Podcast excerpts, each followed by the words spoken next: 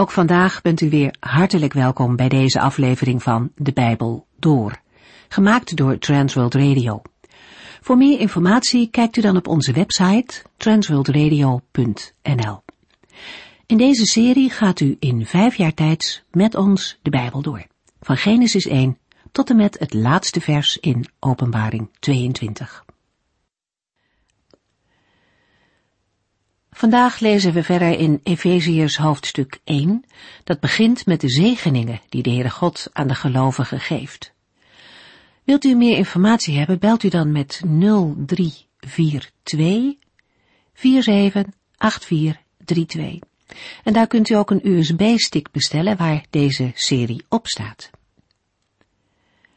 De vorige keer hebben we ons verdiept in de uitverkiezing, een onderdeel van de zegen. Een onderwerp waar in de christenheid nogal fel over gediscussieerd is.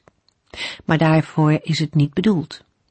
De wetenschap dat de Heere God al in de eeuwigheid, nog voor de schepping, aan u en mij dacht, is een geweldig iets. Hij maakte al plannen. Hij koos ons uit om zijn eigen kinderen te zijn en voor zijn aangezicht te leven. Het is te groots om ons helemaal voor te kunnen stellen hoe en wat die uitverkiezing in zijn werk gaat. Dat mogen we, dat moeten we aan de Heer overlaten. Maar laat de gedachte dat het een moeilijk onderwerp is u niet beroven van de zegen om het te geloven. U mag uzelf erin verheugen dat de Heere God voor het ontstaan van de wereld u al kende en op het oog had. Hij heeft ons in Christus uitverkoren. En daarmee ligt de basis dus niet in onszelf, want daar zouden we alleen maar moedeloos van worden. De basis ligt in het werk de Heer Jezus. We hebben de vorige uitzending ook nagedacht over de vraag of de uitverkiezing wel voor mensen is, of dat het tot de geheimen van de Heere God behoort. Maar het feit dat God in zijn woord er openlijk over schrijft, geeft aan dat wij erover mogen denken en praten. God heeft het niet verborgen gehouden, waarmee niet gezegd is dat het voor ons te begrijpen is. Een ander punt waar we bij stilgestaan hebben is de angst die mensen kennen voor de uitverkiezing. Want stel dat de Heere mij niet heeft uitverkoren. Het antwoord daarop moeten we ook uit de Bijbel halen, uit Gods eigen woorden. En daar ontdekken we dat de verkiezing niets met somberheid en angst te maken heeft. De Bijbel laat zien dat de grond van onze redding in Jezus Christus ligt. Niet in ons geloof of ons berouw of onze inspanning, alleen in de Heere. En ieder die in Christus gelooft, is uitgekozen. In de Bijbel is het onderwerp uitverkiezing niet verbonden met angst, in tegendeel. Er hoort lof en eer bij dit thema. Ook in Efeziërs zien we dat. Vers 5 en 6. Het is altijd zijn bedoeling geweest ons als zijn kinderen aan te nemen door Jezus Christus, opdat wij hem zouden prijzen voor zijn onovertroffen genade. Nadat we in de vorige uitzending hebben stilgestaan bij het wonder van Gods verkiezing, al voordat Hij de wereld maakte, als ook bij het feit dat het altijd Gods bedoeling is geweest om ons als Zijn kinderen aan te nemen door Jezus Christus, komen we in deze uitzending op het geheim waarom de Heere zijn Zoon heeft gestuurd. Efeziërs 1 vers 7 Gods Zoon heeft zijn leven en zijn bloed gegeven om ons van de zonde te verlossen. Alles wat wij hebben misdaan, is ons daardoor vergeven. Wat een rijke genade! Het is een historisch feit dat de Heer Jezus in deze wereld werd geboren. De Zoon van God werd op aarde geboren, groeide op en voerde uit wat hij zijn vader had beloofd. Na ruim 33 jaar op deze aarde te hebben geleefd en zijn werk te hebben volbracht, stierf hij aan een kruis. Hij werd begraven, stond na drie dagen weer op uit de dood en ging terug naar zijn vader in de hemel. Daar besteeg hij de troon en zit nu aan de rechterhand van de Vader. Het zijn de historische feiten met betrekking tot Jezus Christus die de Bijbel, het woord van God, ons doorgeeft. Waaruit bestond het werk van de Heer Jezus? Voor alles was Jezus Christus gekomen om de wil van zijn Vader te doen en hem te verheerlijken. We lezen in Galaten 4, vers 4 tot en met 7. Maar toen de juiste tijd gekomen was, de tijd die God daarvoor had bepaald, stuurde God zijn zoon, die als mens uit een vrouw werd geboren en aan de wet onderworpen was. Hij zou ons vrijkopen van die wet, zodat God ons als zijn kinderen kon aannemen. En omdat wij zijn kinderen zijn, heeft God de geest van zijn zoon in ons hart gegeven, zodat wij God echt kunnen aanspreken met Vader. U bent dus niet langer slaven, maar Gods eigen kinderen. Als zijn kinderen hebt u recht op alles wat hij bezit. De Heer Jezus heeft ons vrijgekocht van de wet, verlost van de vloek van de wet. De wet van God die ons aanklaagt als zondaars. Mensen die naar Gods bedoeling hun doel hadden gemist en niet leefden tot eer van God. Christus die zijn leven voor ons mensen gaf aan een kruis voor onze zonde, is vandaag niet populair. De boodschap van de Bijbel begint met de beschrijving van de prachtige schepping van God. Maar al snel wordt het donker als de mens kiest voor een eigen weg en de Heere ongehoorzaam wordt. Natuurlijk, de schuld wordt door Adam wel afgeschoven naar Eva, en zij wijst naar de slang, de duivel. Maar met deze daad van ongehoorzaamheid ligt het hele menselijke geslacht midden in de dood. Van menselijke kant is er geen hulp meer te verwachten. Zo rigoureus, vernietigend en definitief is de zonde ingeslagen. Het prachtige bouwwerk van de Heere, waarvan God zag dat het goed was, is door de zonde van de mens kapot gebombardeerd.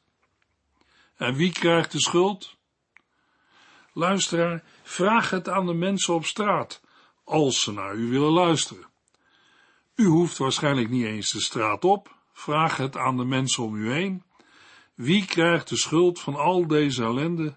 Precies, de Heer God zelf. Immers, hij is almachtig en had er toch een stokje voor kunnen steken. Maar is een mens niet zelf verantwoordelijk voor zijn daden? Mensen zijn immers geen robots die uit de hemel worden bestuurd. Nee, de Heere heeft zijn eigen schepping niet gebombardeerd met kwaad, ellende en dood. De opstandelingen uit de hemel, Lucifer met zijn aanhang, hebben de mens verleid en naar de afgrond getrokken. Hoe pijnlijk en tragisch dat de eerste mensen niet naar God hebben geluisterd, maar zich hebben laten meeslepen en verleiden door de leugens van Satan. Iemand kan denken, daar kan ik niets aan doen, maar wij zitten wel met de gebakken peren. Ja, dat zou iemand vandaag kunnen denken of zeggen.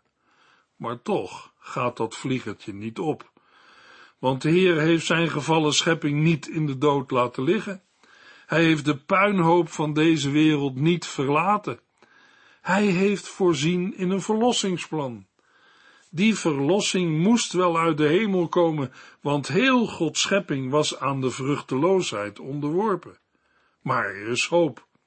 God gaf zijn enige zoon uit liefde, zodat ieder die in hem gelooft niet verloren gaat, maar eeuwig leven heeft. Luisteraar, wij mensen kunnen wel mopperen op Adam en Eva, maar als wij Gods verlossingsplan afwijzen en onze levensweg zonder Christus gaan, zijn we net zo. We zijn als een drenkeling. Hij ligt in de zee. De golven slaan over hem heen. Hij komt weer boven. De nood is hoog. Dan wordt hem een reddingsboei toegeworpen. Zal hij worden gered? Nou, dat hoop ik wel. Maar dat hangt ook van de drenkeling af. Hij heeft de verantwoordelijkheid om de reddingsboei of reddingslijn vast te grijpen. Zo is het ook met het verlossingsplan van de Heere. God heeft voorzien in het probleem van de zonde. We hebben het gelezen in vers 7. Gods Zoon heeft zijn leven en zijn bloed gegeven om ons van de zonde te verlossen. Hij is de reddingsboei. Maar als u hem niet aanvaardt, de reddingsboei niet vastgrijpt, dan kunt u daar de redder niet de schuld van geven. Het is toch absurd als de drenkeling de reddingsboei niet vastgrijpt of in discussie gaat met zijn redder over de kwaliteit van de reddingsboei. Weet u, het probleem van ons mensen is vaak dat wij ons niet realiseren dat wij verdrinkende drenkelingen zijn. Maar hoe wilt u dat straks gaan oplossen, als u voor de troon van God komt te staan en de Heer uw leven als een film voorbij laat gaan en vraagt, wat heeft u met mijn zoon Jezus Christus gedaan? Van hem heeft God de Vader gezegd in Matthäus 17 vers 5, dit is mijn geliefde zoon. Hij verheugt mijn hart, luister naar hem. Daarna is de Heere nog niet klaar, want dan komen al onze zonden aan het licht. Zonden hebben verzoening nodig. En wie gaat uw zonde verzoenen als u uw hele leven aan Christus voorbij bent gelopen? Geen mens kan zelf voor zijn eigen zonde betalen. U gelooft toch niet dat de Heere zijn enige zoon aan een kruis laat sterven, als er nog een aantal andere oplossingen voor het probleem van de zonde waren geweest? Wie de zoon ongehoorzaam is, zal het leven niet ontvangen. Integendeel, de straf van God blijft op hem. Efeziërs 1 vers 7 Gods zoon heeft zijn leven en zijn bloed gegeven om ons van de zonde te verlossen. Alles wat wij hebben misdaan, is ons daardoor vergeven. Wat een rijke genade! In vers 7 gaat het vooral om de verlossing. De gelovigen zijn vrij van de slavernij aan de zonde en aan machten en heersers die hen in hun greep hielden. In Colossense 1, vers 13 en 14 wordt het als volgt verwoord. Want God heeft ons bevrijd uit de macht van de duisternis en ons een plaats gegeven in het koninkrijk van zijn geliefde zoon, die onze vrijheid kocht met zijn bloed. Daardoor ontvangen wij vergeving voor al onze zonden. De vergeving van de zonde is mogelijk geworden omdat Christus zijn bloed, zijn leven heeft gegeven. Uit 1 Petrus 1 vers 19 wordt duidelijk waarom er in de aangehaalde teksten over het bloed van Christus wordt gesproken. We lezen in vers 19, U bent niet vrijgekocht met iets dat vergaat, zoals zilver en goud, maar met het kostbare bloed van een volmaakt en vlekkeloos lam, het bloed van Christus. In het Bijbelboek Leviticus zijn de offers uit het Oude Testament besproken. De verzoeningsoffers waren een verwijzing naar het offer van Christus. In Hebreeën 9 vers 22 lezen we, wij mogen wel zeggen dat onder het oude verbond vrijwel alles door bloed gereinigd werd. Als er geen bloed vloeit, worden de zonden niet vergeven. Uit Hebreeën 9 blijkt ook dat de verlossing die Christus heeft bewerkt nauw verbonden is met de vergeving van overtredingen. Bij de instelling van het avondmaal zegt de Heer Jezus bij de beker met wijn, drink er allemaal uit. Dit is mijn bloed, waarmee het nieuwe verbond wordt bezegeld. Het zal vloeien om vergeving van zonde te bewerken. De verlossing en de vergeving zijn effectief in het leven van elke dag.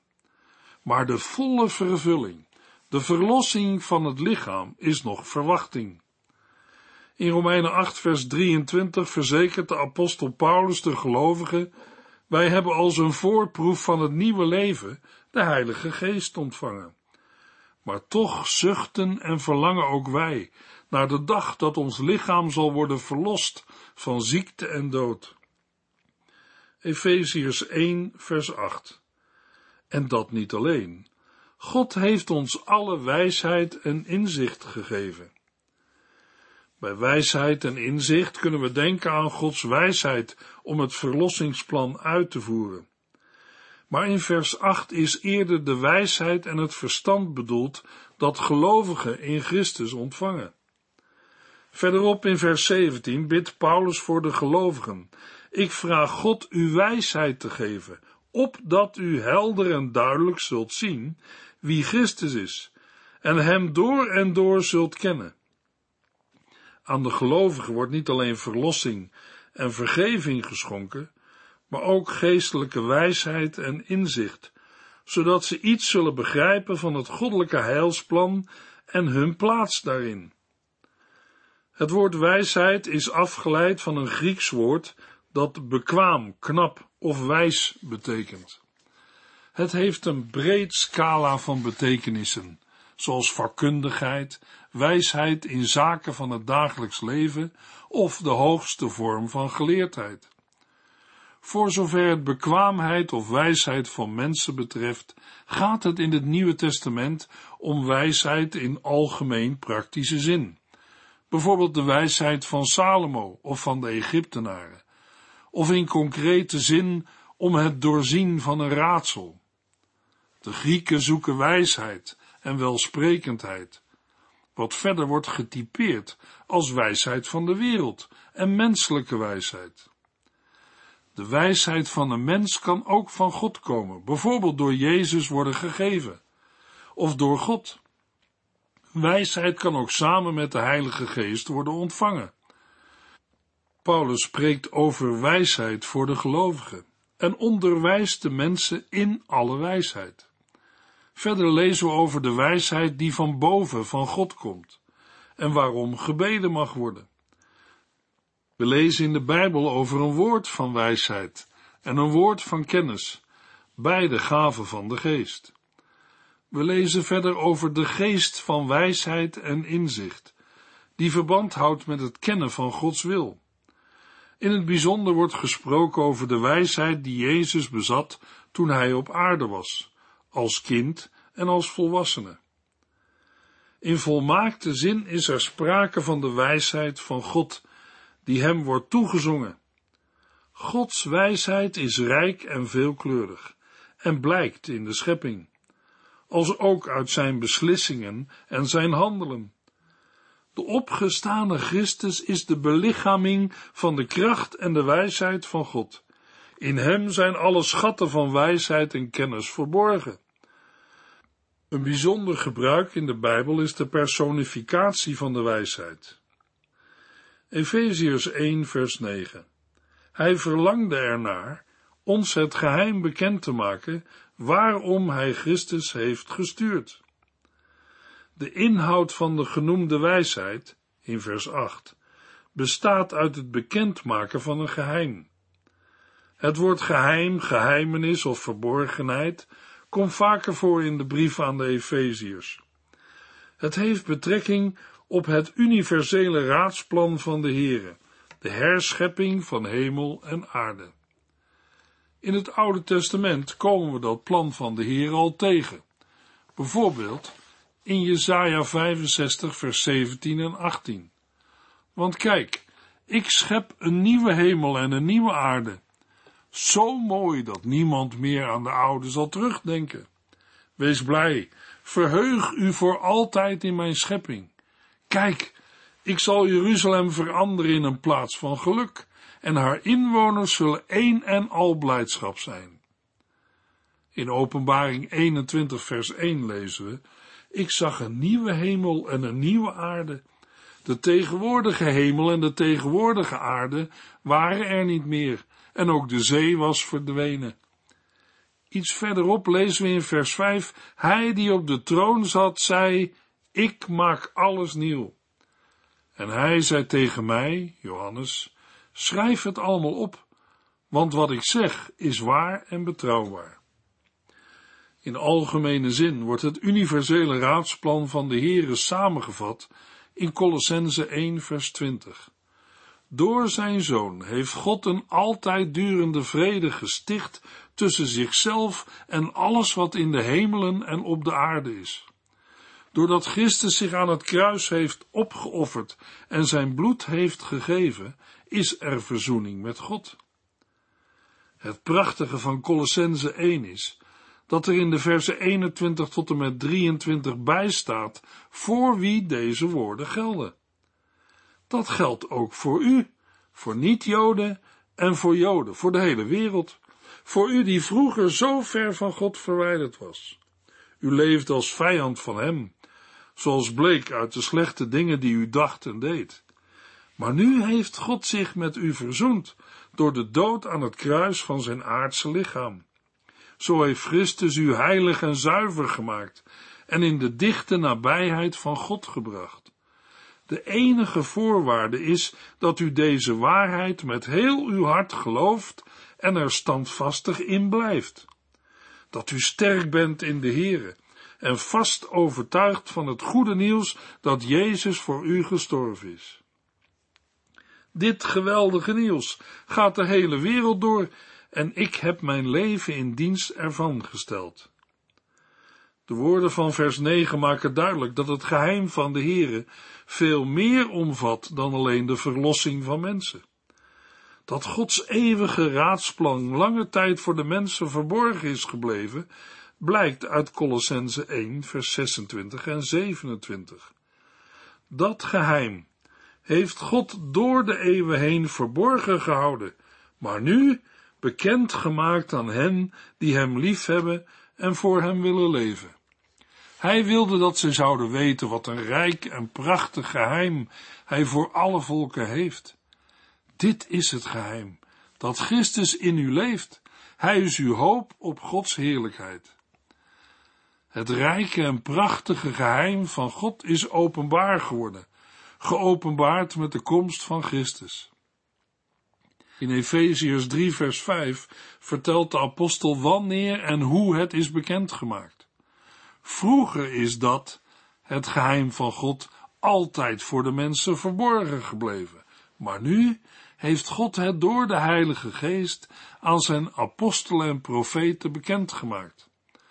Het komt hierop neer, door het goede nieuws te geloven, delen niet-Joden in de erfenis van de Joden. Horen zij bij hetzelfde lichaam, de gemeente, en voor hen geldt dezelfde belofte in Christus Jezus. Paulus schrijft aan de gelovigen in de stad Efeze, de Heere verlangde ernaar ons het geheim bekend te maken waarom hij Christus heeft gestuurd. Uit dat verlangen van de Heere kunnen we al zien dat de Heere het beste met u, jou en mij voor heeft. In het Oude Testament vraagt de Heere, denkt u dat ik de goddeloze graag zie sterven? Juist niet. Ik wil alleen dat hij zich bekeert, zijn goddeloze wegen verlaat en leeft. Luisteraar, dat kan door Jezus Christus als persoonlijke verlosser te aanvaarden. Hij heeft u vrijgekocht uit de slavernij van de zonde. Uit de tijd dat er in Noord-Amerika nog slaven waren, is de volgende gebeurtenis bekend. Het illustreert wat Christus voor ons heeft gedaan. Op een slavenmarkt werd een heel knap meisje te koop aangeboden. Een vrede eigenaar van slaven, een brute kerel, was begonnen met bieden. Elke keer als hij een bod deed, kromp het meisje in één en werd haar gezicht steeds angstiger. Een eigenaar van een katoenplantage, die altijd vriendelijk en correct voor zijn slaven was, begon ook op het meisje te bieden. Uiteindelijk werd het meisje aan de eigenaar van de katoenplantage verkocht. Hij betaalde het bedrag, draaide zich om en liep weg. Eerst keek het meisje hem vol verbazing na. Toen volgde ze hem. Maar de man die voor haar had betaald keerde zich om en zei tegen haar: Je begrijpt het verkeerd. Ik heb je niet gekocht om mijn slaaf te worden. Ik heb je gekocht om je vrij te laten. Daar stond ze, met stomheid geslagen. Toen viel ze op haar knieën en zei: Ik zal u altijd dienen. De geschiedenis laat zien wat Christus voor u, jou en mij heeft gedaan. En het illustreert op welke basis de Heer Jezus wil dat wij Hem dienen. Hij had ons lief. Hij betaalde een losprijs voor u, jou en mij. Hij gaf zichzelf zijn leven en zijn bloed tot verzoening en vergeving van al onze zonden. Het is allemaal voor u en jou, als je bereid bent tot Christus te komen en Hem als uw redder aan te nemen. Want alle die Hem hebben aangenomen, heeft Hij macht gegeven kinderen van God te worden, hun die in zijn naam geloven. Luisteraar, een geheim of een geheimenis in de Bijbel geeft een verborgenheid aan die alleen voor bepaalde daarin ingewijde personen openbaar is. In het Nieuwe Testament houdt het allereerst in iets dat niet gemakkelijk te begrijpen is, een hoger inzicht vereist. Ten tweede gaat het om iets dat tot nog toe onbekend is of was, niet gekend kon of kan worden, waarvoor een goddelijke openbaring nodig is. In de Bijbel staan verschillende voorbeelden van geheimen die de Heer heeft geopenbaard, zoals het behoud van het volk Israël in Romeinen 11 vers 25, of de verhouding tussen man en vrouw, met als voorbeeld daarvoor de verhouding tussen Christus en de gemeente. Ook het feit dat niet alle gelovigen zullen sterven. Hierbij horen ook uitdrukkingen als de wetteloosheid is in het geheim al aan het werk, in verband met de antichrist, waarover nog een sluier ligt. Andere uitdrukkingen zijn het geheimenis van het goede nieuws, het geheim van het geloof en de waarheid die God ons bekend heeft gemaakt.